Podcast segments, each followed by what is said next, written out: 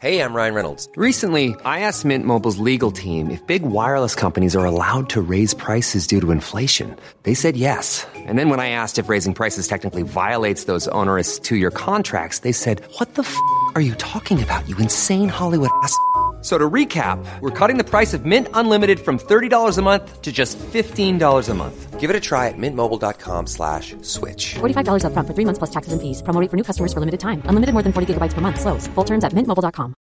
This is Paige, the co-host of Giggly Squad, and I want to tell you about a company that I've been loving, Olive and June. Olive and June gives you everything that you need for a salon quality manicure in one box. And if you break it down, it really comes out to $2 a manicure, which is absolutely insane. It's also so easy to get salon worthy nails at home with Olive and June. The difference between how your nails used to look when you did them yourself and now with the Manny system is a complete game changer. The best thing about Olive and June too is it's a quick dry. Dries in about one minute, lasts for five days, and full coverage in up to one to two coats. Visit oliveandjune.com slash perfectmanny20 for 20% off your first system. That's oliveandjune.com slash perfectmanny20 for 20% off your first system. Hallå! Simon Gärdenfors heter jag och snart börjar min podcast Arkivsamtal. Podden ges ut i samarbete med Acast och med Mafia Comedy Club som ger er stand-up fem dagar i veckan i Stockholm. Mer info om det här hittar ni på maffiacomedy.se och på Ticknet. Detta händer snart. På onsdag den 20 maj 2015 så headlinar jag Gasta Comedy Club i Gävle. På fredag den 22 maj så ställer jag ut konst. Serieoriginal, screentryck och annat på Zap Pop-Up Gallery på Kulturfyren i Stockholm. Och utöver detta så kör jag stand-up i Stockholm, Göteborg, Lund, Malmö, Kristianstad och Norrköping. Mer info och datum om allt det här hittar ni på gardenfors.blogspot.com. Högst upp på sidan under bilden. Funkar inte i alla mobilversioner så surfa från en dator. Nu kommer Arkivsamtal som denna vecka gästas av Aron Flam. Och där jag inte bara blandar ihop böckerna Plattform och Refug utan jag blandar även ihop eh, Michel Houellebecqs debutroman Konkurrens till döds med Celins bok Död på krita. Podden klipps av Carl Persson. Mycket nöje!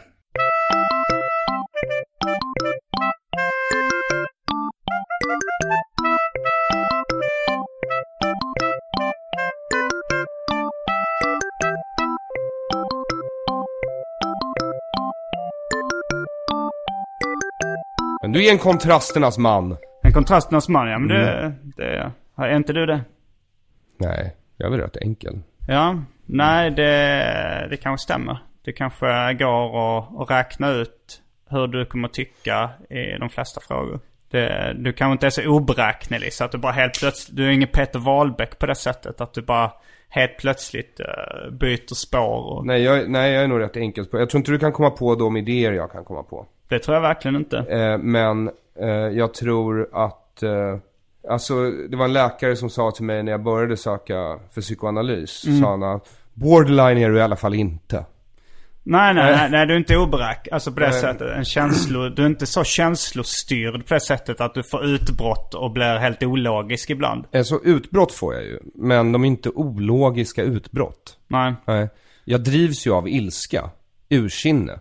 Men det är inte direkt, alltså det är ju också ett av mina mest definierande karaktärsdrag. För det mesta är det bara liksom som en stadig stridström av ilska under den här ytan liksom.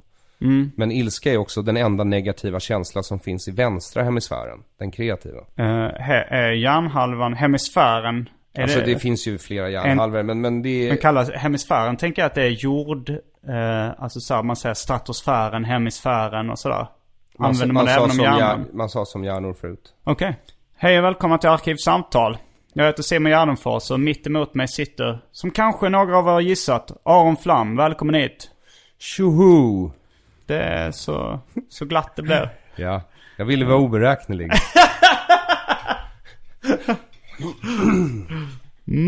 Vi, vi kom, kom snabbt in på en diskussion om eh, hur beräknelig Aron Flam är på en skala.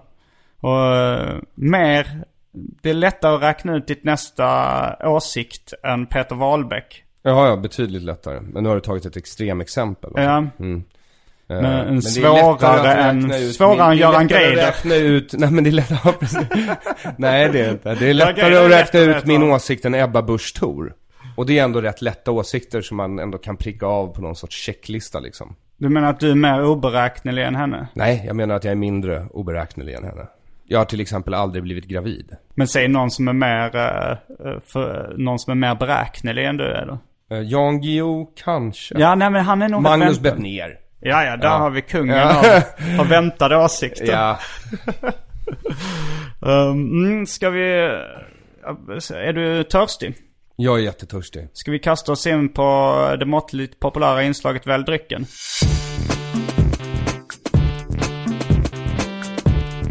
Jag tror vi börjar med det fasta inslaget Välj drycken! Ja, det har blivit måttligt populärt nu. Det har det varit ett tag nu. Okej. Eh, ja, eh, och det brukar gå till så att du räknar upp vad jag har att välja på. Så det är liksom inte liksom välj drycken och jag kan få vad jag vill. Utan, Nej, alltså om, alltså om vi ska... Systembolaget kan man ju gå till, men då skulle vi slösa för mycket tid känner jag. okej. Eh, men jag, jag skrev upp alternativen när jag stod vid mitt kylskåp. Mm. Och du frågade vad jag höll på med. I en anteckningsbok bara avsedd för att skriva upp vad du har i kylskåpet. Vilket är helt sinnessjukt Simon. Varför är det så sjukt? Det är så jävla konstigt att du har en svart anteckningsbok vid din kyl där du räknar, du skriver upp allt du har i kylen, hur mycket det är i varje förpackning. Så att om Frej är här så ska du veta om man har tagit någonting. det är inte därför jag... Okej. Eh, ibland så, så, så läggs det till saker i min kyl. Som när Marcus Johansson eh, hade, olovligen hade fest där. Det enda positiva som kom ut av det var att kylen fylldes med diverse eh, alkohol och annat. Det låter rätt trevligt. Mm, här kommer alternativet till veckans Välj drycken. Pepsi Max. Bacardi Apple. Det är alltså en vodka med äpplesmak. Det är inte någon Bacardi Breezer. Eh, sen har vi Absolut Vodka. Likören Malibu. Brämhults lemonad som gick ut 09.03 2015. Oklart om 09 är månaden eller dagen. Nå- det måste vara dagen. Varför det? Därför att 2015 är nu. Ah, det har inte varit. Nej, precis. Så, du, ja, du har en hjärna. ja. Sen har vi Grebbestads påskmust. Mhm. Sen har vi någonting eh, som en lyssnare skickade till mig med posten. I en tillplattad oöppnad tetra. Som hette Ron Medellin Añejo. 35% eh, volym eh, alkoholprocent. Verkar vara från Colombia. Jag vet inte hur man uttalar Medellin på spanska. Medin. Medellin. Medin. Fast det är inte dubbel-L, det är enkel-L. Är det? Ja. Uh, Ron Medellin. kan- Nej, det är Ja, franska. men jag, jag trodde, för Medellin, det är väl den där knarkhuvudstaden där alla de här... äh, Knark... Medellin. Ja, Lite som medicin. Medellin. ja. Och det låter också som ett, ett, ett land i Game of Thrones. Jag kollar inte på sånt. Hmm. Jag gillar realism och humor. Mm, Okej, ja ja, nej men det, to each their own. Eh, jag kommer välja, Men jag är inte klar. Okej. Det är två grejer kvar. Um, Irish Stew Brew. En hemmabryggd öl eh, av uh, komikern och rasisten Albin Olsson. okej. Jag Och visste sen- inte att han var rasist. Eh, det har han kommit ut som i ett avsnitt av Arkivsamtal. Okej. Det förvånar mig inte dock. Nej. Nej. Det är, är vi inte alla lite rasister innerst inne. Jo, det är vi. Eh, sen för tråkmånsar och nejsägare, vatten. Jag kommer välja den här Grebbestads påskmust. För det tror jag aldrig jag har druckit. Nej, det... All, allt annat utom den colombianska grejen har jag druckit. Mm. Jag väljer att du dricker den colombianska grejen. Ja, det, det är en lite ny vinkel på det här att du väljer vad jag ska dricka. Ja. Men det kan jag göra. Det verkar kul. Ja, Eh, och så kan jag just... få en skvätt också. Mm, det kan du få. Ja. En side order. Ja. Det var någon eh, lyssnare som skrev att han med spänning följde Grebbestads påskmust. eh, som har, har varit kvar. Det har varit ett alternativ väldigt länge utan att någon har valt det. Så nu fick den här eh, historien sin dramatiska upplösning. Det krävs någon så oberäknelig som jag. Mm, då är vi strax tillbaks med Grebbestads påskmust och Ron Medellin Añejo. Häng med!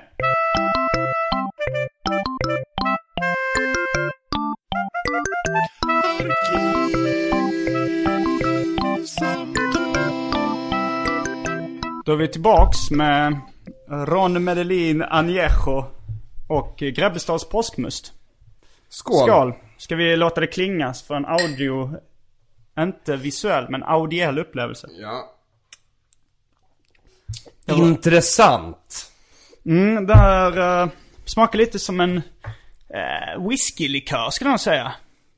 Jag, jag, jag smakade Grebbestads, det var den som var intressant. Mm. intressant? Ja, den var intressant. Den smakar som en riktigt tunn must, har jag för mig. Eller så smakade must mer när jag var liten. Jag har inte druckit must på säkert 20 år. Vänta, jag ska bara ta lite Mm. av den här Medellinen. Ja, den var fullkomligt vidrig. Jag är väldigt glad att jag valde den åt dig.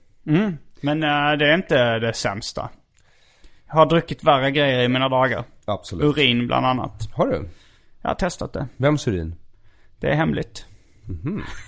Okej. Um, det, det kanske kommer... Jag det tänkte kan, bara om vi hade druckit samma urin. Ja, vem, vems urin har du druckit? Det är hemligt, så det är, Är det samma uppenbarligen. Ja, någon gång på min dödsbädd, om inte innan, kommer jag avslöja vems urin det är jag har druckit. Jag har druckit min egen urin. Um, Det har nog inte jag faktiskt. Jag har bara druckit någon annans. Um, ja, vad tyckte du? Vad, vad vill du säga? Det var en blaskig påskmust också. Alltså det, men jag har för mig de här, jag vet inte vad det är för, är det jul, vad, vad, vad är det de här vanliga musten, julmust? Julmust. Ja, Uh, vilken är den vanligaste? Det är apotekarnes. okej det är den. Det Eller här som, apotek-arnes som jag trodde att den hette när jag var liten. Ja precis. finns ju även uh, Zoinerts som vissa säger är den bästa julmusten. Och även de gör väl påskmust också. Alltså jag tror det är men jag tror att det är den här apotekarnes som jag har. eh, Det är nog den mest Ja, den smakar ju klassiska. mer Coca-Cola. Det här är mer som någon sorts, ja riktigt vattnig sån. Eh, Det sägs ju att, eh, jag tror nog det är apotekarnas som har det här receptet som eh, är hemligt som bara... inte det Coca-Cola? Jo, det receptet har i och för sig i viss mån läckt ut. Och Eller Big de- Mac-sås. Vad sa du? Big Mac-sås, också hemligt. Är det också hemligt? Ja, fast jag tror att den hemliga ingrediensen i Big Mac-sås är vinäger. Jag säger det igen. Vinäger. Och även de här gamla Hubba Bubba tecknade serierna som fanns på baksidan av kalanka tidningar Där de jagade det hemliga receptet till uh, Hubba Bubba. Men inte för smaken, utan för bubblorna. Det var det nog. Mm. Och så eh, hade de dueller med några små blå tuggummin som, som eh, blåste upp små klibbiga bubblor. Som alltid sprack i Som ansiktet. sprack och fastnade i ansiktet. Tecknad av eh, Alf Voxnerud. Med tecknaren från Stureby. Det var mer än jag visste och jag vet inte Mm. riktigt vad Stureby är för typ av referens här. Stureby är en uh, förort till Stockholm Ja, i det- Enskede kommun som jag har bott i ett år. När jag flyttade till Stockholm. I Och- andra hand. Det är en av dina serier som heter så. Stureby? Nej, Hjärup. Det är min hemort. Och, och, ja, jo men vad, vad, medtecknaren från... St- Ja, ja, alltså Alf Voxnerud. Ja. Eh, han var, var tecknare i tidningen Mad. Så jag sa Mad-tecknaren. Jaha, okej, okej, okej, okej. Eh, Okej. Men han gjorde även de här reklamscenerna till Hubba Bubba. Jag förstår. Eh, Vi, eh, veckans uh, krystade tema. Eller bara som jag kastar ur mig spontant. Vår relation till våra föräldrar. Ja. Jag tänkte att... eh, Alltså jag tänkte så här Mm. när du sa det. Då tänkte jag så här. Ja, jag kommer ge dig ett ärligt försök. Men Ja. jag vet hur Simon Gärdenfors funkar vid det här laget. jag beräknade säger du. Eh, nej, nej, nej, du är inte helt beräknelig. Men det finns, när det kommer till att sitta här och spela in podcast med dig Mm. så vet jag ju ungefär hur djupt under ytan på Simon Gärdenfors vi kan gå. Vet du det? Ja, 10-20 centimeter under Petter Bristav. Okej. Du kommer gräva, men du kommer inte gräva djupt nog. Du kommer gräva tills du hittar den tredje punchlinen. Sen kommer den att komma ut. Men, menar du gräva i dig nu eller gräva i mig själv? Ja men vi ska gräva i båda Ja Simon. det ska vi ja. Ja. Men menar du att jag kommer hit eh, 20% längre än Petter, Petter Bristav in i både dig och i mig? Centimeter så Centimeter. Procent, smickra inte dig själv här. ja, vet du det. Eh, 20 cm är rätt långt in i kroppen Nej, om man nej. tänker knivhugg. Ja. ja, jo om man tänker kniv. Men vadå, du, mig kan du väl gräva hur djupt som helst i? Men du Ja. menar hur, hur självutlämnande jag kan vara? Ja, precis. Alltså på riktigt självutlämnande. Utan Ja. de där serierutorna som något sorts filter mellan dig och verkligheten. Ja, Bara du och dina ord Simon. jag vet, du, nu eh, försöker du få det att låta som att jag Alltså alla begränsar vi oss i självutlämnande. Om man inte heter... Jag vet inte vem, vem som är, har världsrekordet i självutlämnande. Men... Det eh, måste ju finnas massor med gråtmilda människor, men de är ju ofta det finns det ju, men de kan väldigt inte lämna dåliga ut. på att formulera sig. Men sen samtidigt så, eller jag, det, det kändes ju som att du lite, för när jag har, du har ju inte heller, du är ju inte så jättesjälvutlämnande. Alltid. Nej, Jag har ju ställt frågor till dig som, Som? du vägrar svara på. som... Eh, vad hände med den här flickvännen som redan var gift som du friade till? Ja, där... Eh, eh, alltså vad som hände med henne. Ja. Eh, är väl att jag tror hon är gift och har barn idag. Men, men, Men, men hela den historien. Eh, det, det, är klart, det är självklart är det ju så att man måste ju lämna ut andra för att kunna lämna ut sig själv. Det är lite så som är där, det det blir ju så. för att älska andra måste man också älska sig själv. Mm. Eh, så är det ju. Så att det är ju en del av själv, självutlämning hur mycket man är beredd att uh, såra andra genom att lämna ut dem också. Ja fast just där, eh, jag, jag är ju rätt, eh, alltså min mor har ju sagt att jag inte får prata om henne. Det har ju mina bröder också sagt. Min far har ju inte sagt någonting. Nej. Nej, jag antar att din far inte har varit närvarande i ditt liv heller eftersom du är hiphoppare. Han var bortrest väldigt mycket. Han reste mycket. Men han var inte totalt, Boo-hoo-hoo. han var inte totalt frånvarande. Han var hemma och lagade popcorn ibland. Jaha, det kunde han göra. Min pappa kunde göra pasta pesto. Nej men, eh, när det gäller just det där förhållandet så är det så att det är en väldigt bra story. Eh, Mellan dig och din far. Nej, nej, just mitt exförhållande det där med det misslyckade frieriet. Mm. Men jag känner i det fallet, och jag, det kommer ju komma ut, att d- det är en prosaberättelse. Mm. Ja, det är liksom ingen ljudfil. Jag har ju dessutom ett, alltså jag har ju eh, en mindre respekt för det här audiella mediet, podcasts, än vad jag har för till exempel text.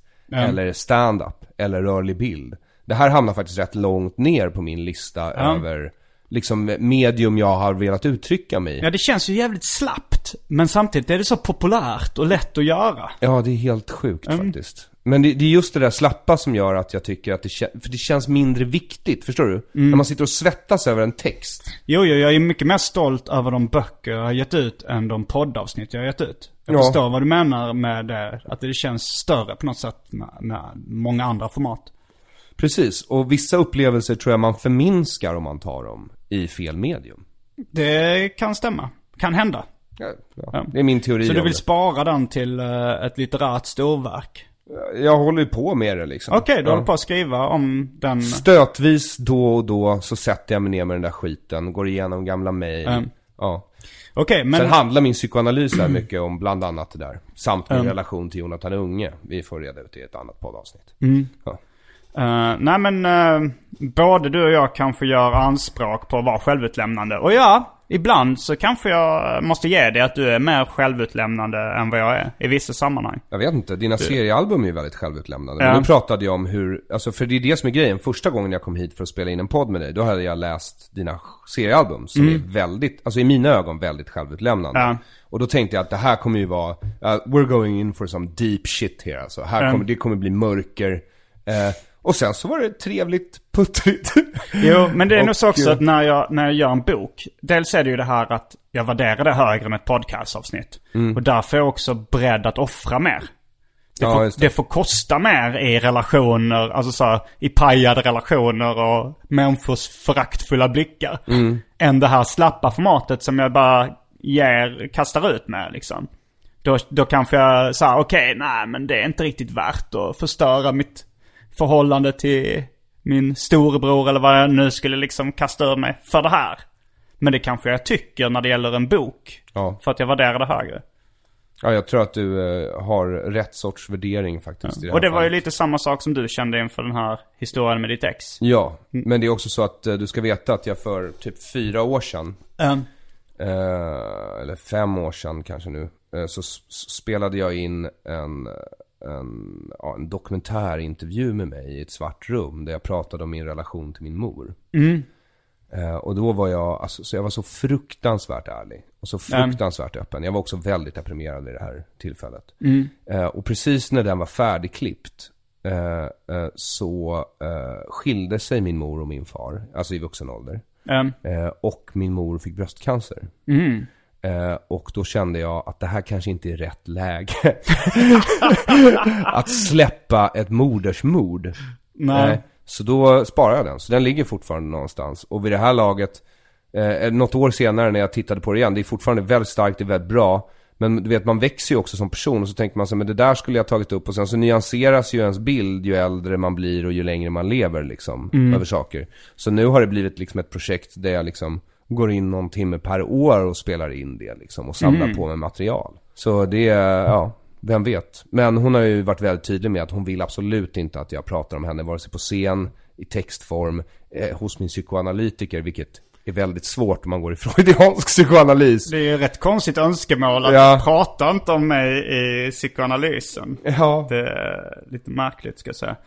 Eh, jag har nog inte fått några strikt... Jo, min mamma har nog sagt så här, avslöja inga familjehemligheter.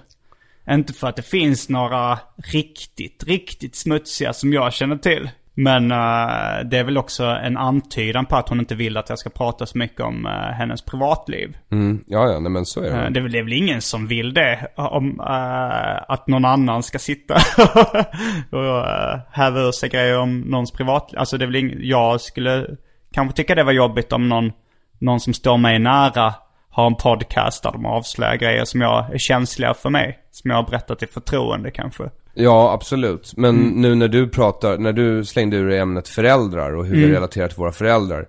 Då tänkte jag liksom inte att, eh, för det första så avslöjar inte mina föräldrar någonting i förtroende till mig, tror inte jag. Eh, Nej. sådär jättemycket. Utan det handlar ju om vårt perspektiv. Eh, vårt, alltså ditt och mitt perspektiv till våra föräldrar. Och vår relation, alltså hur vi ser på vår relation till våra föräldrar. Inte hur de ser på sin Nej. relation till oss. Liksom. Och på något fel har de ju uppenbarligen gjort. För vi är ju båda liksom bohemiska, inom citationstecken, konstnärer. Eh, som, ja. Ja, någonting har ju gått åt helvete, det är uppenbart liksom. Ja, det har det väl. Ja, alltså så här, helvete och helvete. Helvete är ett starkt ord kanske. Ja men du har, har väl, ändå- du har väl ett gott huvud på dina axlar? Du hade väl kunnat bli forskare och jobba på att bota cancer eller någonting annat? Det hade jag kanske kunnat göra. Ja. Alltså om jag hade tyckt det var Istället roligt. sitter du och kluddar och söker kulturbidrag för dina telefonteckningar. Det får mig, göra, det får mig lycklig. Gör det dig lycklig verkligen? Eller gör det dig bara mindre olycklig Simon? Eh, ja, jag, jag vet ju inte eh, hur, vad alternativet skulle vara. Nej men eh, jag, jag tror nog för tillfället så verkar jag vara lite lyckligare än folk är i allmänhet i, i Sverige. Och det, det får man vara nöjd med. Det är väl det som är det viktiga. Sen att jag inte är glad hela tiden och har svåra perioder ibland. Det smällar man får ta. Jag, jag var på en föreläsning igår eh, på Handels, där jag skulle hålla sista tredjedelen. Eh, och den handlade om lycka och välbefinnande. Och då berättade föreläsaren som stod innan mig, han berättade att de har kommit fram till, i Sverige i alla fall, att eh, entreprenörer är, eh, de har högre välbefinnande. De blandar inte ihop eh, ord som lycka och välbefinnande. Men de har en högre eh, känsla av lycka eller välbefinnande, båda och faktiskt, än vad människor som är anställda har. Även om de anställda har större trygghet och bättre betalt. Och då, eh, då kom han fram till att det är eh, lyckan över att få bestämma över sin egen tid och vad man själv vill göra. Alltså det ger en högre känsla av välbefinnande även om inkomsten är mindre och otryggheten större. Okej, men det är, det är väl där. Den har vi väl lyckats klocka in båda två. Ja, jag tror det. Men det visste vi instinktivt. Vi behövde inte gå på en föreläsning på Handels för att få reda på det. Nej, det stämmer. Eh, om vi ska ta det här åt det lite mer fördomsfulla hållet. Det här podcastsamtalet så har vi båda en judisk mamma. Jag har två judiska föräldrar. Du har två judiska föräldrar. Det är dubbelt så många som du har. Det är det verkligen. Och, ehm, och inom liksom populärkulturen, eller inte bara populärkulturen, den vanliga kulturen så är det ju ganska vanligt eh, med eh, judiska söner som gör upp med sina föräldrar på olika sätt. Det är Jiddisch grejen Jiddisch Mame, Frans Kafka, hela den skiten. Eller... Woody ja. Allen. Ja, Woody Allen. Och eh, ja, det finns en rolig historia som, som är faktiskt min mamma har dragit som lite illustrerar det. Som, där, där eh, olika eh, judiska mammor skryter om sina söner. Som säger så här att ja, min son eh, han, han har se och så många veckors semester och han spenderade hela semestern med att ta med mig till Paris. Så, här, det var väl ingenting. Min son han, eh, han ringer mig varje dag och vi gör det här och det här. Och sen så är det den sista mamman som säger så här. Men min son han, han betalar eh, hundratusentals kronor och flera gånger i veckan går till en analytiker bara för att prata om mig. Ja, jag har hört den förut. Av min mor för övrigt. ja, men det finns ett alternativ slut på den där eh, som är, eh, min son hör aldrig av sig till mig, men han är läkare. Um, och jag ägnar ganska mycket av eh, min podcast, ganska mycket av mina stand-up-rutiner och en, lite mina serier och sådär och, och prata om min mamma. Är det så? Ja, det var, det var, det har folk tagit upp med mig bland annat. Bland annat eh, komikern Johanna Wagrell sa, fan vad du, jag har tänkt på hur mycket du pratar om din mamma i din stand-up. Och det, det har andra, Anton och andra kompisar också tagit upp att jag gör det. Det är ganska många rutiner som handlar om henne. Nu kanske när hon har varit med och hört dem har jag kanske skurit ner lite på det materialet. Men det är ganska mycket som... Så det är, det finns, det finns ju någon... Men skulle du säga att du har en god relation till din mor? Ja, helt okej. Mm, Alltså men ni så- hör, hörs ni ofta och sådär? Eh, ja, var, vi brukar höras var och varannan vecka. Är det ofta? Inte kanske... eh, jag vet inte vad folk gör i allmänhet. Alltså jag vet inte Det heller är vad- ofta när jag pratar med min fast pappa eller min, mina syskon. Jo, okej, det förstår jag. Jag jämför, jag brukar ju såhär titta på mina, eh, förlåt att jag lånar Fredrik Reinfeldts ord här, etniskt svenska vänner. eh, till, ta till exempel Ola Söderholm, han verkar ju inte höras med sina föräldrar speciellt ofta alls. Nej. Nej. Eh, men min mamma ringer ju mig flera gånger i veckan. Eh, det har blivit bättre på senare år sen hon träffade sin nya pojkvän. Men eh, det var ju några år där när hon var singel och då var det ju liksom flera gånger om dagen. Och det var ju liksom, eh, det, är ju, det var jättejobbigt. Det var jätte, jättejobbigt. Eh, för min mamma ringer ju inte och säger snälla saker till mig.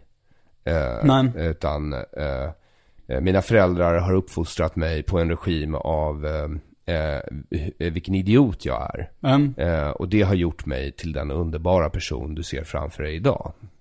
Jag kan ju Mm. inte ta komplimanger liksom. Däremot så är jag väldigt bra på att ta kritik. Uh, nej men jag, jag, jag fick upp en uh, 25-öres uh, teori i hjärnan uh, vid ett tillfälle apropå det här med judiska mammor och uh, populärkultur. Det var för att jag, jag kände så här, en gång så hade jag, hade jag liksom pratat väldigt mycket om min mamma i en podcast. Och sen så, mm, någon dag efter det avsnittet hade släppts, så såg jag att min mamma hade försökt ringa mig på morgonen. Och jag liksom eh, var bakfull. Och i min bakfylleångest så liksom tänkte jag Fan hon har hört avsnittet, vad var det jag sa? Och det här och det här, det kanske hon kommer att bli jätteledsen över. Och hur ska jag försvara mig här? Och då... Försvar, inte ursäkt och förlåt. Utan Nej, nej, nej. försvar är din första instinkt. Det är det tyvärr. Ja. Det är nog en av mina dåliga sidor. Och det är ju en sida jag därmed stör mig väldigt mycket på hos andra också. Mm. När folk istället för att... eh, Bara erkänna, som Erkänna, Gudrun Schyman gjorde. Ja, jag pissade i den där biografen och jag är alkoholist. So what? Ja, nej, så istället så försöker man väl gå till motattack. Eller jag gör det. Och mm, folk irriterar mig på gör det också.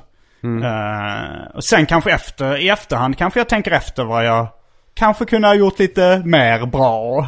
vad jag kunde ändra på i mitt beteende. Men spontana reaktionen är ju bara eh, hålla upp karateförsvaret och choppa någon i ansiktet. Eh, verbalt då såklart. Okej, ja. Ja. ja. Ehm, nej men så då tänkte jag så här, men du har ju gjort det här och det här mot mig. Och var, min första tanke var ju då omskärelsen. Det har du gjort, det var ingen som frågade mig om jag ville få min penis avskuren delvis. Då kan jag alltid ha det som försvar. Okej, du vill inte att jag pratar om det i podcaster. Jaha, det är för, det är en hämnd. Det är en betalning, det, det får, får du räkna med. Det var ingen som frågade mig om det här. Då, då har jag all, det, det kan aldrig betala tillbaks det. Och då, då tänkte jag det kanske är... Det var, jag insåg att det var en, en 25-öres analys.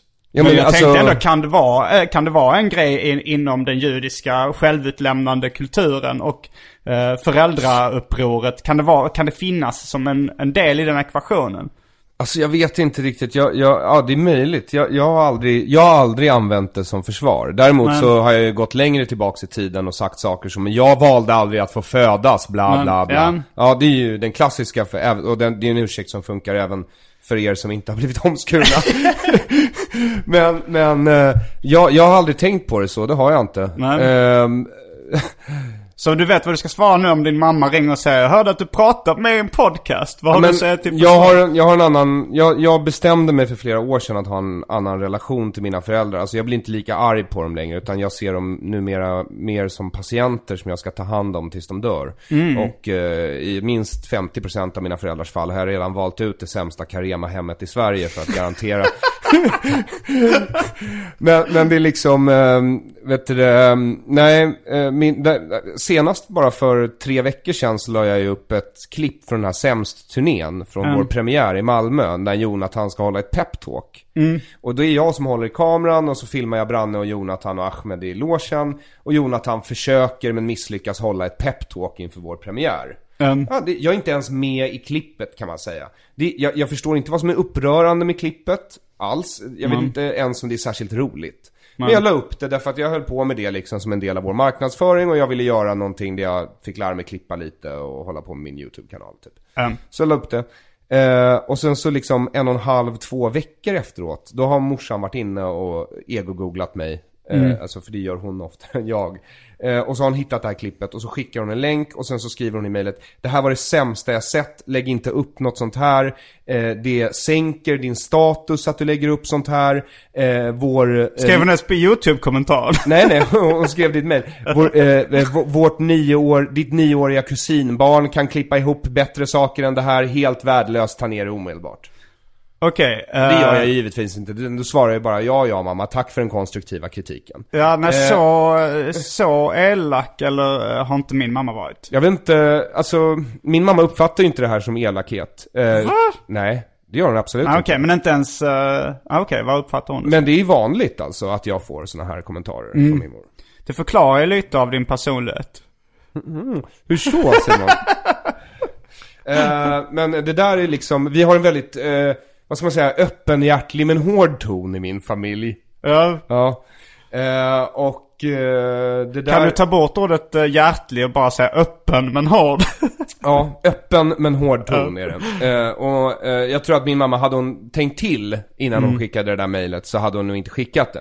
Eh, men hon gör inte det, utan hon reagerar ofta sådär känslomässigt väldigt starkt.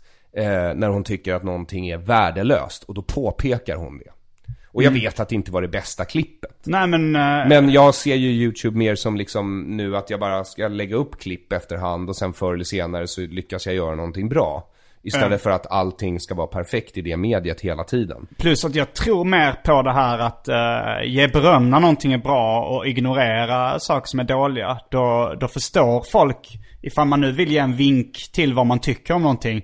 Då förstår ju folk lite mer om, alltså utan att bli sårade. Ja, men om man inte sårar folk, då blir de inte konstnärer, då blir de reklammakare Simon. Man får en David Sundin på sina händer om man bara ger beröm för alla idéer som... Inte för att vara sån, David Sundin har sina goda sidor, men jag säger bara att om ett barn får beröm för alla idéer det kommer på, då kommer det tro att alla idéer är bra i sig, och det är de inte. Nu, nu försvarar du din förövare lite här. Att det, det är ju inte, det är ju inte så snällt att skriva som din mamma gjorde. Hon har, alltså så här, det, det kändes ju bara sårande och onödigt om du, om du frågar mig. Ja, men det var ju inte ett briljant klipp. Det- Det kommer ju Nej. inte leda till ett Nobelpris det där klippet. Så därför skulle varför hon bara inte skriva någonting alls. Ja, det, så kan man också göra faktiskt. Ehm, så kan man också göra. så men, skulle- eh, Skulle jag ha gjort. eh, ja, men vare sig du eller jag har ju barn. Så eh, vi har ju inte eh, den, det problemet slash möjligheten. att eh, kritisera på det sättet. Och sen är det som du säger, det här har ju format mig. Jag har valt eh, mina egna fullständigt medvetna strategier för att tackla den här typen. Och det gör ju också eh, lustigt nog mig till eh, en väldigt bra ståuppare. Därför att jag har liksom fortfarande aldrig stött på att någon i publiken har lyckats såra mig mer än någon i min familj lyckas göra på daglig basis. Mm. det är lite A Boy Named Sue. Att du har fått en hård uppväxt. Eller känner du till den eh, Hård, låten? vadå hård? Det är ju liksom inte Good Will Hunting. Det var ingen som slog mig med skiftnycklar. Eh, verbala skiftnycklar. Mm, mer verbala vinkelslipar. Eh, och det är ju hårt för psyket liksom. Hey, I'm Ryan Reynolds. At Mint Mobile, we like to do the opposite of what Big Wireless does. They charge you a lot, we charge you a little. So naturally, when they announced they'd be raising their prices due to inflation, we decided to deflate our prices due to not hating you. That's right. We're cutting the price of Mint Unlimited from $30 a month to just $15 a month. Give it a try at mintmobile.com slash switch. $45 upfront for three months plus taxes and fees. Promo rate for new customers for limited time. Unlimited more than 40 gigabytes per month. Slows. Full terms at mintmobile.com. There's never been a faster or easier way to start your weight loss journey than with PlushCare. PlushCare accepts most insurance plans and gives you online access to board-certified physicians who can prescribe FDA-approved weight loss medications like Wigovi and Zepbound for those who qualify. Take charge of your health and speak with a board-certified physician about a weight loss plan that's right for you. Get started today at plushcare.com slash weight loss. That's plushcare.com slash weight loss. plushcare.com slash weight loss. I'm Sandra, and I'm just the professional your small business was looking for. But you didn't hire me because you didn't use LinkedIn jobs. LinkedIn has professionals you can't find anywhere else, including those who aren't actively looking for a new job but might be open to the perfect role, like me. In a given month, over 70% of LinkedIn users don't visit other leading job sites. So if you're not looking on LinkedIn, you'll miss out on great candidates like Sandra. Start hiring professionals like a professional. Post your free job on linkedin.com slash spoken today. Men Boy Named Sue, känner du till den låttexten? Jag tror att... ehm, Sue is a girl's name. Ja men det är det som är grej, grejen. Eh, Johnny Cash populariserade den. Men det var en uh, countryartist som... En, en okänd countryartist som skrev den från början. Men då är det alltså en, eh, en pojke som växer upp bara med sin mamma. Och han heter... han är Sue i förnamn. Flicknamnet Sue.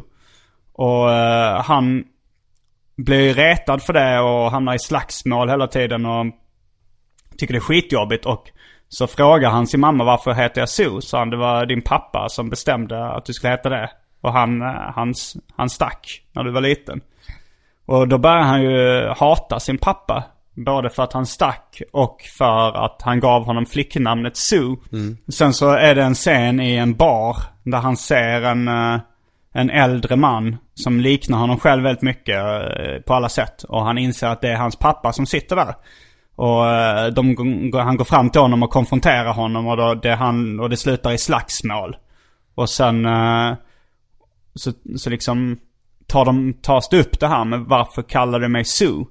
Och då så sa pappan att jag insåg att jag har så mycket problem i livet.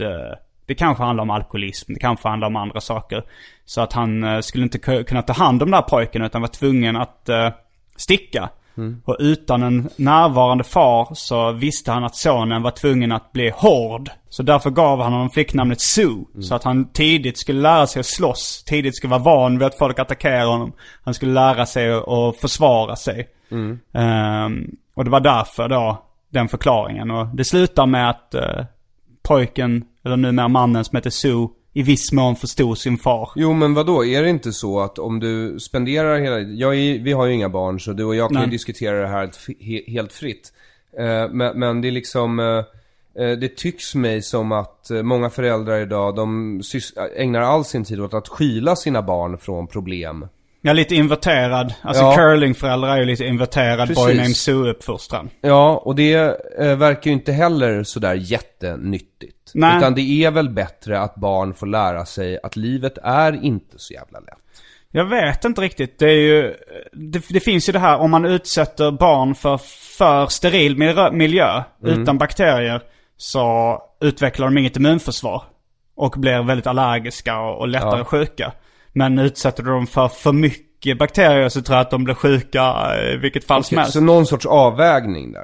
Man får väl göra det. Ja. Ja, men, eh, det en också- hurring då och då. Men, en... eh, När en, de minst anar det. Ja. Jag för, ober- jag för en mig- oberäknelig uppfostran. Jag läst, eh, hemma hos min mammas toalettläsning så har jag eh, läst eh, i tidningen Judisk krönika där du skrev en artikel om eh, manlig omskärelse. Där lite slutklämmen var just uh, A Boy Named Sue-grejen. Att man ska lära sig att livet är hårt och att de som älskar en vill skada en och ha fest Ja, för det. för att fira det ja. Mm. och uh, jag tycker, alltså jag vet inte hur ärlig du var när du skrev den artikeln. För jag tycker det är lite för hård. Alltså om det, min, min mamma och andra skulle nog neka till att det är tanken bakom manlig omskärelse.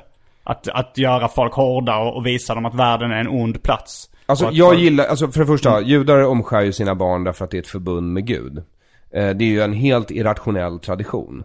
Ja, det finns inga, det finns inget logiskt sätt att försvara den traditionen. Nej. Däremot kan man säga att det är väldigt vanligt i mänskliga kulturer och samhällen att det finns någon sorts initiationsrit för barn. Antingen när de kommer in, alltså föds, eller när de ska träda in i vuxenlivet och ta sin plats i stammen. Och de här initiationsriterna är nästan aldrig lätta, det har inte med kramar att göra. Utan det är att man binder lianer runt fötterna och kastar dem ut för höga torn eller ger dem ett spjut och säger gå ut i vildmarken i 40 dagar och kom inte tillbaks utan en lejonfäll. Det var nog ganska länge sedan de här, eh, de här riterna användes. Inte på en kosmisk skala.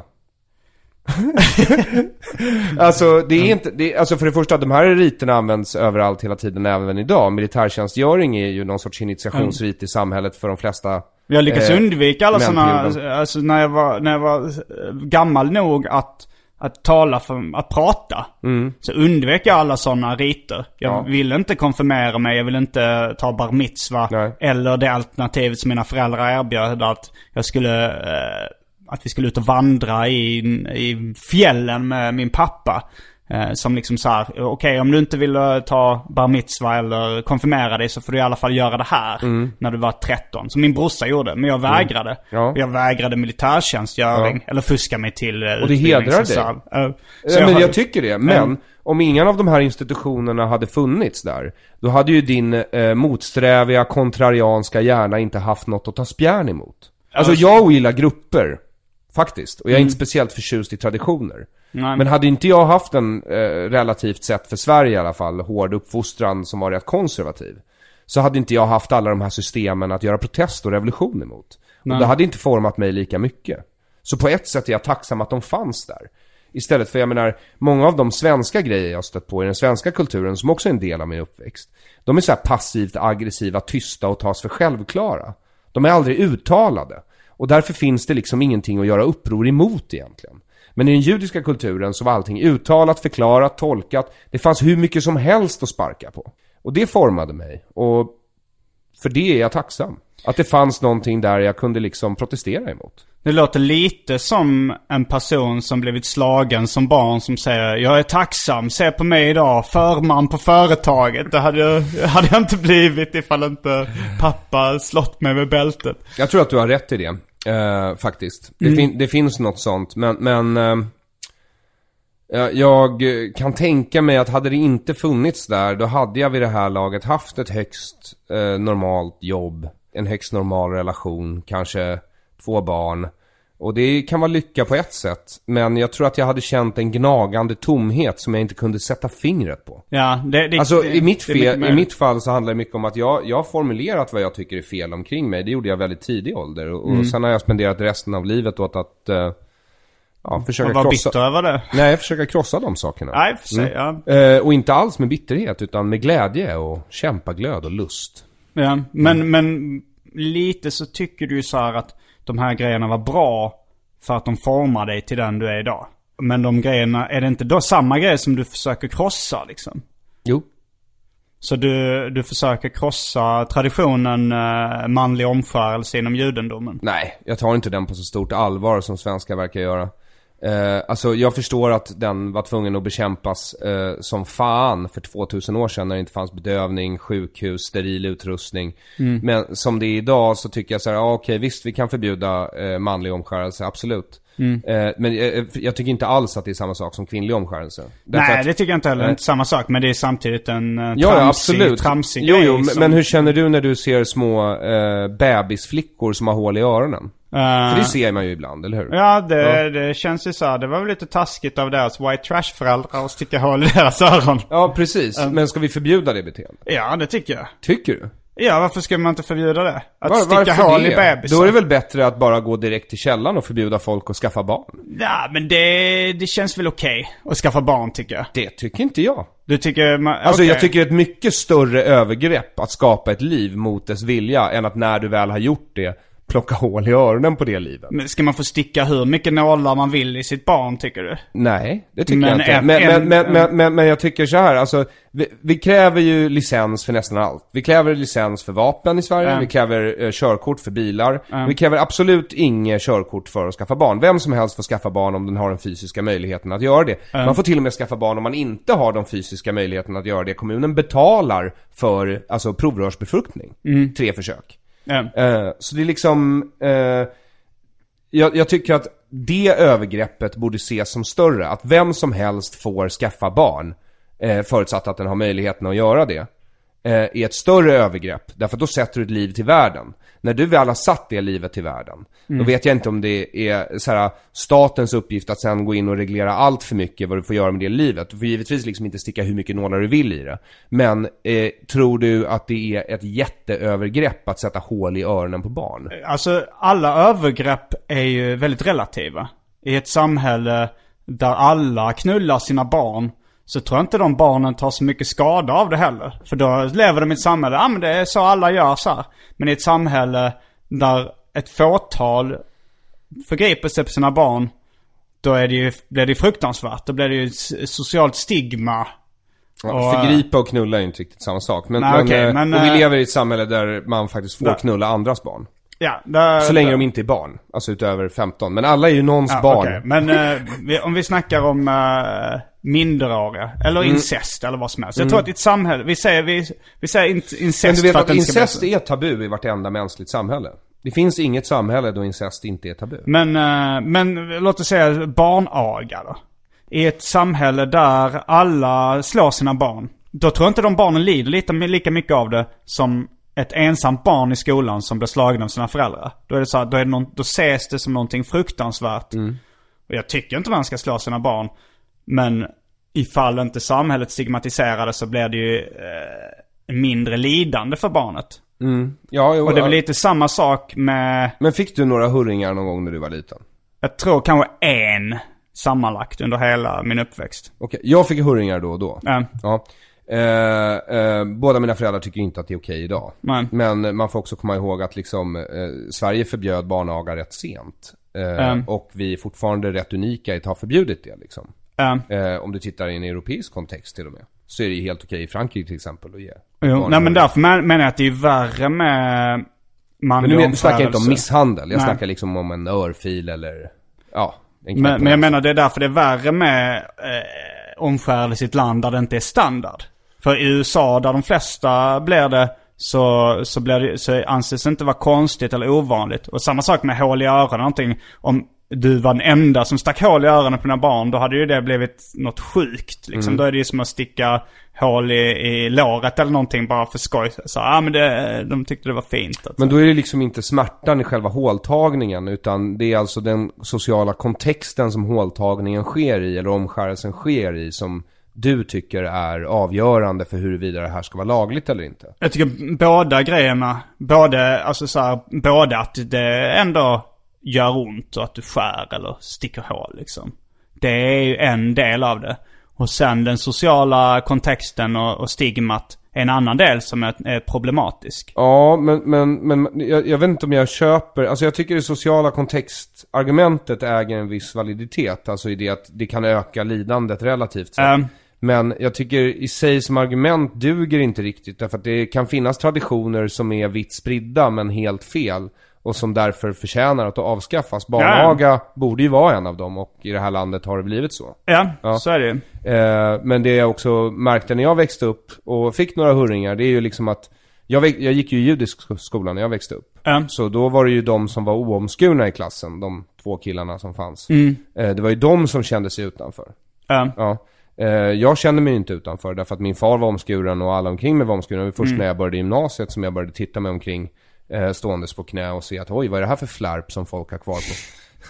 Ehm, Ja, eh, och ehm, det kan ju fortfarande liksom eh, eh, vara fel. med en social kontext. Och då är det väl bara att avskaffa den. Jag tycker inte det räcker som förklaring, även om det skulle öka ett relativt lidande liksom. Nej, men, eh, men här har vi ju alla...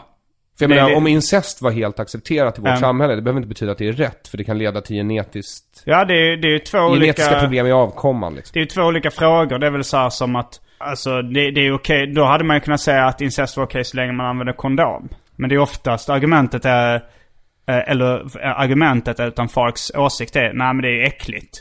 Ja, jo, men Så jag tror att människor instinktivt känner att det är Jo, så är det ju. Men det, det tyckte man ju om homosexualitet för eh, ganska nyligen. Tyckte folk i allmänhet att det var äckligt. Och, och eh, sex mellan olika raser och sådär. Men då, då får man väl bara skärpa sig och tycka det är inte så farligt. Så jag, jag kan inte se någon direkt... Jag, jag, jag tycker inte alls att de sakerna är samma. Vadå, homosexualitet och... Och incest. Nej, det är klart att det inte är samma sak. Men jag menar, det är samma argument. Om man använder argumentet, det är äckligt, det är därför ska vi förbjuda det. Det är ju samma argument som användes både för homosexualitet för 50 år sedan och för incest idag. För att jag menar, om två bröder ska ha sex med varandra, då finns det ju ingen risk för att eh, de får ett missbildat barn. Nej men det är väl ingen som har någonting emot att bröder har Det är sex med förbjudet. Sveriges rikes lag förbjuder det. Nej men herregud. För att det är äckligt. Ja, nej men okej. Ja, men, du, men nu pratar du om homosexuell incest. Eh, Den socialt nu- accepterade incest. Nej, den är ju olaglig. Ja, det är den. Eh, Men, men just där finns det inga risker för att det blir något barn. Och ifall man använder kondom, eh, preventivmedel, så är det ju väldigt liten risk att det blir ett barn även Så i då borde det vara lagligt menar du? Ja, Ja. alltså i alla fall. Jag köper det. Nej, jag köper det på rent logisk grund faktiskt. Och med, och med Men det är rationellt. Mm. Vissa saker måste du räkna med är inprogrammerade i människan. Jag menar, vi har, Alltså vi, vi, har, vi, vi har väl visat för det mesta att homosexualitet eller analsex även mellan straighta, det är sånt som man instinktivt skulle kunna reagera, uh, instinktivt, Mm. det där är äckligt. Eh, men det behöver inte betyda att det är genetisk avsky. Men när ormar och spindlar, det har vi faktiskt en, en genetisk motvilja mot. Alltså det finns en inbyggd biologisk rädsla för de två formerna. Ja, men man Ja. kan ju säkert jobba bort den rädslan också. Ja, det är klart man kan KBT. Men, men jag menar, eh, borde det inte finnas en anledning till att den finns där? Och i just Jo, fallet jo. incest så finns det ju, skulle Ja, man kunna säga, det. en biologisk... Nu, nu har ju du ett bra exempel här, det vill säga homosexuell incest, där Mm. avkomma inte kan uppstå. Så borde vi faktiskt inte känna det där. Men jag har inte ens reflekterat över homosexuell incest förrän du tog upp det nu. Okej. För mig har det alltid varit, jag är så heteronormativ. så för mig har det, jag har alltid bara tänkt bror syster där. Ja. Mm. Eh, nej men vad, vad, mm, om vi ska tillbaks till en del av grundämnet, eh, grundkällan. Så är det ju så att det finns ju inga direkta argument för eh, att man ska inte förbjuda mm, manlig omskärelse. Det finns inga logiska argument till det. Det finns ingen liksom social kontext eller, eller att det inte är äckligt eller det finns, finns väl inga direkta argument. Nej, det skulle vara eh, så här. Samhället utsätter eh, den nya generationen för massa typer av smärta. Ja. Ja. Eh, vi kan inte förbjuda alla typer av smärta. Men vi Utan- kan väl utan- minimera det? Försöka minimera det? Vi kan försöka minimera det Mm. med samma effekt som att man försöker skydda barn från alla bakterier. Det finns viss typ av smärta som kanske människor bör lära sig stå ut med. Och då får man välja om den smärtan ska vara av ett livshotande slag eller inte. Modern omskärelse av män i dagens samhälle är inte en livshotande smärta. Liksom håltagning i öronen av små flickebarn. Så du tycker att man ska omföra alla män för att de ska lära sig att ah, men lite smärta i livet kommer det få Nej, vara nej, nej, beredda nej, på? nej, det behöver inte vara så. Allt jag säger är så här, det måste finnas en gräns för eh, när staten går in och reglerar föräldrars beteende mot sina barn. Mm. För eh, en viss del av det beteendet ska föräldrar ta själva. Det är ändå de som har satt barnet till världen. Sen säger inte jag att det är rätt med manlig omskärelse. Men, Nej. Utan vad jag säger är att om du ändå har tagit ansvaret att sätta ett barn till världen. Mm. Ja, eh, då är det liksom mycket upp till dig hur du väljer att uppfostra det barnet. så kan man se på det. Men, men, tycker, men vem tycker du ska avgöra vilka som har rätt att skaffa barn eller inte? Eller tycker du det ska vara helt förbjudet att skaffa barn? Att man bara ska... För det, det, jag ser inte det som ett helt omöjligt alternativ att vi säger så här, men nu, det här världen, det visade sig vara lite mer lidande än njutning. Det visade sig vara lite en förlustaffär det här med mänskligheten. nu förbjuder vi Liv. få liv. Ja. Nu sätt tryck, eller bara spränger skiten. eh, med atombomber. Det, det, jag ser inte det som ett helt eh, orimligt alternativ. Det kanske är det bästa. Det kanske är mer lidande än njutning i världen. Eh, Alltså frågar man Buddha är det ju givetvis mer lidande. ja, då borde han vara för uh, spränga skiten. Total utplåning. Eh, ja. Och det kanske är ett alternativ. Men du verkar... Quaker-rörelsen som fanns, den hade ju, de första kväkarna. Den- De, de växte ju enormt när de uppstod. Och då, deras religion var att de, det fanns mycket änkor från amerikanska inbördeskriget och mycket föräldralösa. Och de tog in de här och en kristen sekt liksom. Och man fick inte skaffa barn. Men- Så det var ju en, en religion som på, sätt, på ett sätt eh, utplånade sig själv kan Mm. man säga. Eh, och det finns ju en, givetvis en poäng i det. Men jag tror ju att... Är det de som ligger bakom frukostflingorna Quaker Oats? Kalaspuffar bland annat. Många tror det, jag, jag tror inte det. men, men, eh, men, men alltså kväkare finns ju fortfarande som Mm. rörelse. Men den ursprungliga kväkarrörelsen existerar inte längre. Men, Ehm, och eh, jag tror att det, det, det är en moralisk poäng man kan göra. Däremot så tror jag att liv sträva, verkar ju alltid sträva efter att uppstå. Vart det än kan uppstå. ehm, Det är det vi ser omkring oss i naturen. Och det verkar också vilja reproducera sig om det kan. ja. Så jag tror att det där är liksom en inbyggd biologisk drift som vi inte kan göra så mycket åt. Liksom. Nej, det skulle väl vara så här... eh, Och då undrar du vem som ska bestämma om vi får skaffa barn eller Ja, inte. du snackar om någon Ja. slags köra barn, eller skaffa barnkörkort. Ja, ja, men... Ungefär och- och som men- men tänker jag- symaskinskörkortet i lågstadiet och Men då, jag, då resonerar jag så här. Jag tror att mänskligheten, vi har redan tagit vårt biologiska öde i våra egna händer när vi uppfann penicillin. Ja, Alltså befolkningsexplosionen är ju enorm efter det. ja. Ja, och efter det så tillåter vi vem som helst att skaffa barn och sådär. Och avkomman kanske inte är livskraftig. Så från och med nu så kommer vi få tillsammans försöka bestämma eh, vilka som ska få leva och hur de ska få leva. Jag vill inte säga vilka som ska få dö, för det verkar inte som att vi någonsin kommer komma överens om det. Det låter som det börjar knuffa lite mot nazismen där. Att vi tillsammans ska bestämma vilka som ska leva och inte. Alltså jag, jag är rädd för att liksom, eh, eh, det låter ju ofta så när man pratar om biologi, men det är skillnad på darwinism och socialdarwinism. Och, men, men så du tycker att vi ska tillsammans Darwinismen har vi rösta om, övergivit. Alltså demokratiskt, då blir det ju verkligen... Nej men alltså, eh, nej nej men darwinismen har vi övergivit. Alltså nu tillåter vi folk som inte kan skaffa barn att försöka Ja. med provrörsbefruktning. Steget är inte långt inför att folk kommer börja bestämma kön eller, jag menar vi gör redan fostervattensprov där folk kan välja bort barn med down syndrom eller andra defekter. Ja, det stämmer. Eh, så, jag menar, när jag sitter och säger de här sakerna, de låter väldigt hårda men i praktiken så pågår de redan nu. Jo. Ja. Men, och det är ju eh, nästa, vi har ingen moralisk diskussion om det här i samhället överhuvudtaget. Det finns ju väl debatt om uh, sån saker som till exempel fostervattensprover och sådär. Men de flesta, det har, det har inte ens är rätt jävla lite, men.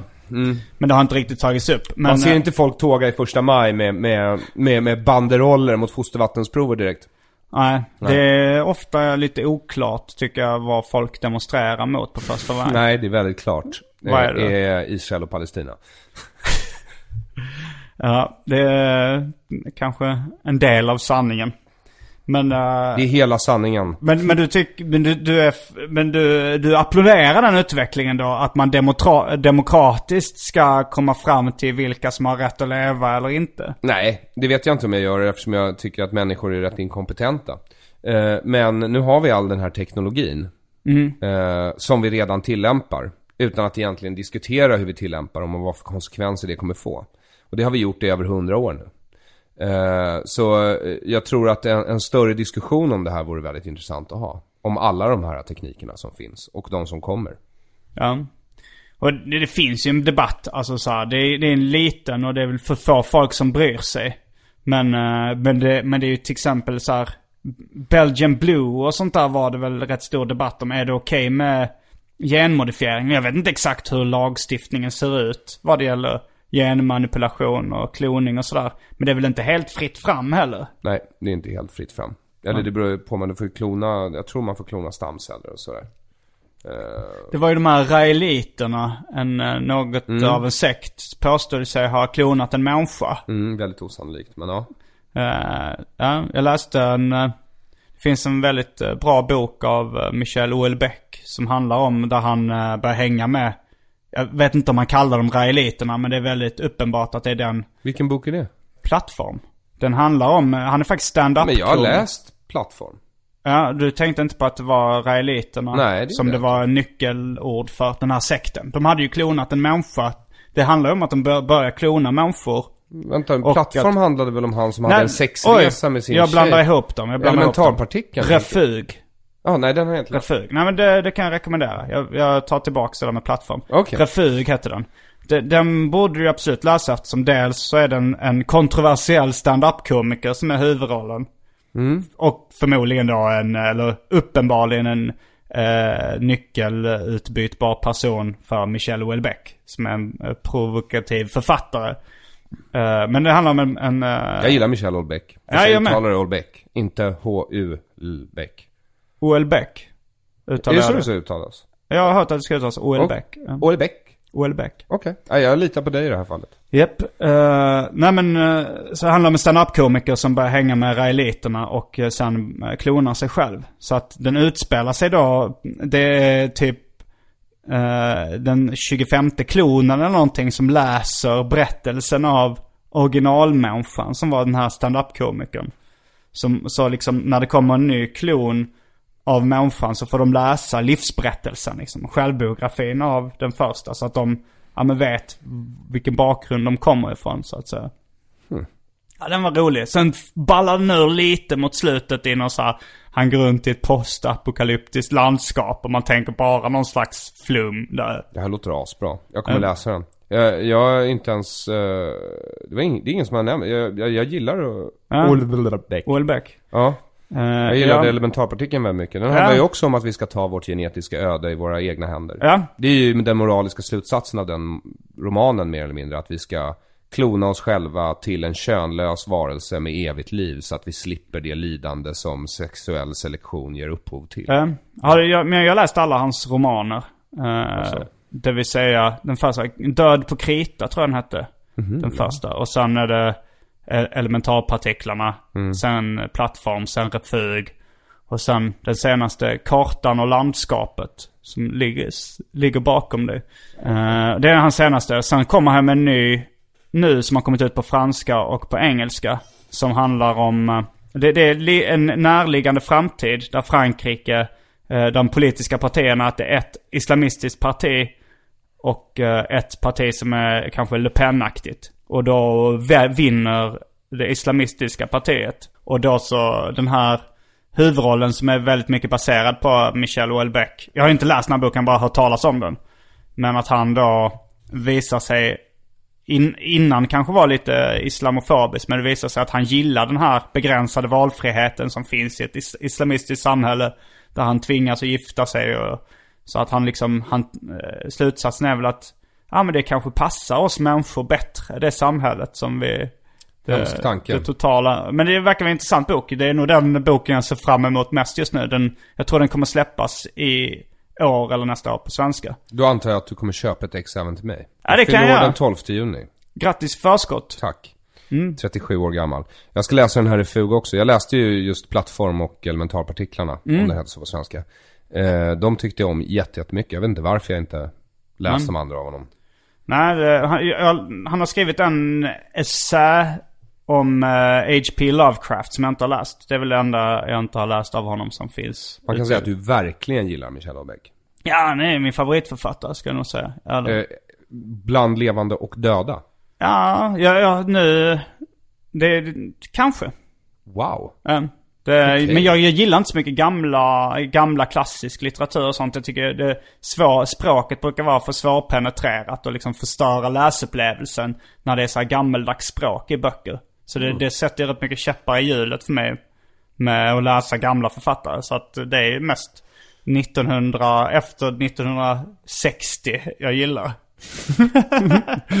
Det förklarar din kvinnosmak också. det ska vara ungt Äldre och lättpenetrerat. Efter 1960 helst. ja.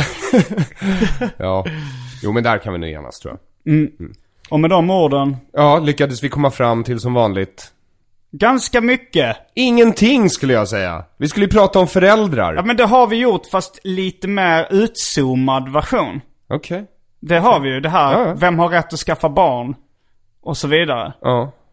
Det, vi, vi lyckades uh, prata Vi kom inte fram till någonting. Vi, jag tror vi inte så, så ett och annat frö i folks hjärnor. Ja. Som kommer blomma upp till vackra träd. Ja, kanske. Vi, vi får hoppas det. Det var allt för den här veckans avsnitt av Arkivsamtal. Jag heter Simon Gärdenfors. Ska inte jag få plugga någonting? Du får plugga hur mycket du vill. Ehm, vi ska på TS Knas-turné. Okej, och det kan man googla. Japp. Jag heter Simon Gärdenfors. Aron Flam. Fullbordat samtal.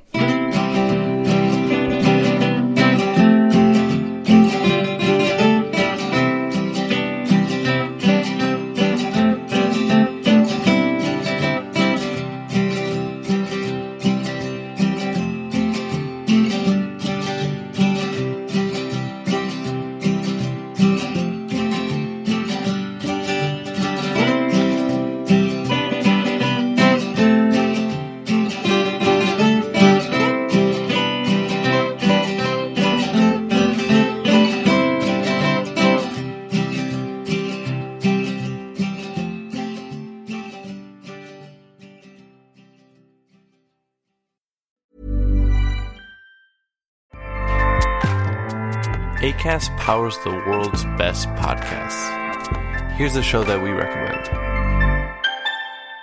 The Real Housewives is a guilty pleasure for most, but if you're looking to not feel guilty about that pleasure, tune in to Everything Iconic with me, Danny Pellegrino, where I break down all the messy moments and behind the scenes antics of Bravo's popular franchise. And on Everything Iconic, I also interview celebrity guests like Kelly Ripa, Kiki Palmer, Drew Barrymore, Cameron Diaz, and more about their guilty pleasures, their past work, and so much more. So if you're pop culture obsessed and find yourself watching way too much reality TV like me, tune into Everything Iconic with Danny Pellegrino wherever you listen to podcasts. ACAST helps creators launch, grow, and monetize their podcasts everywhere. ACAST.com.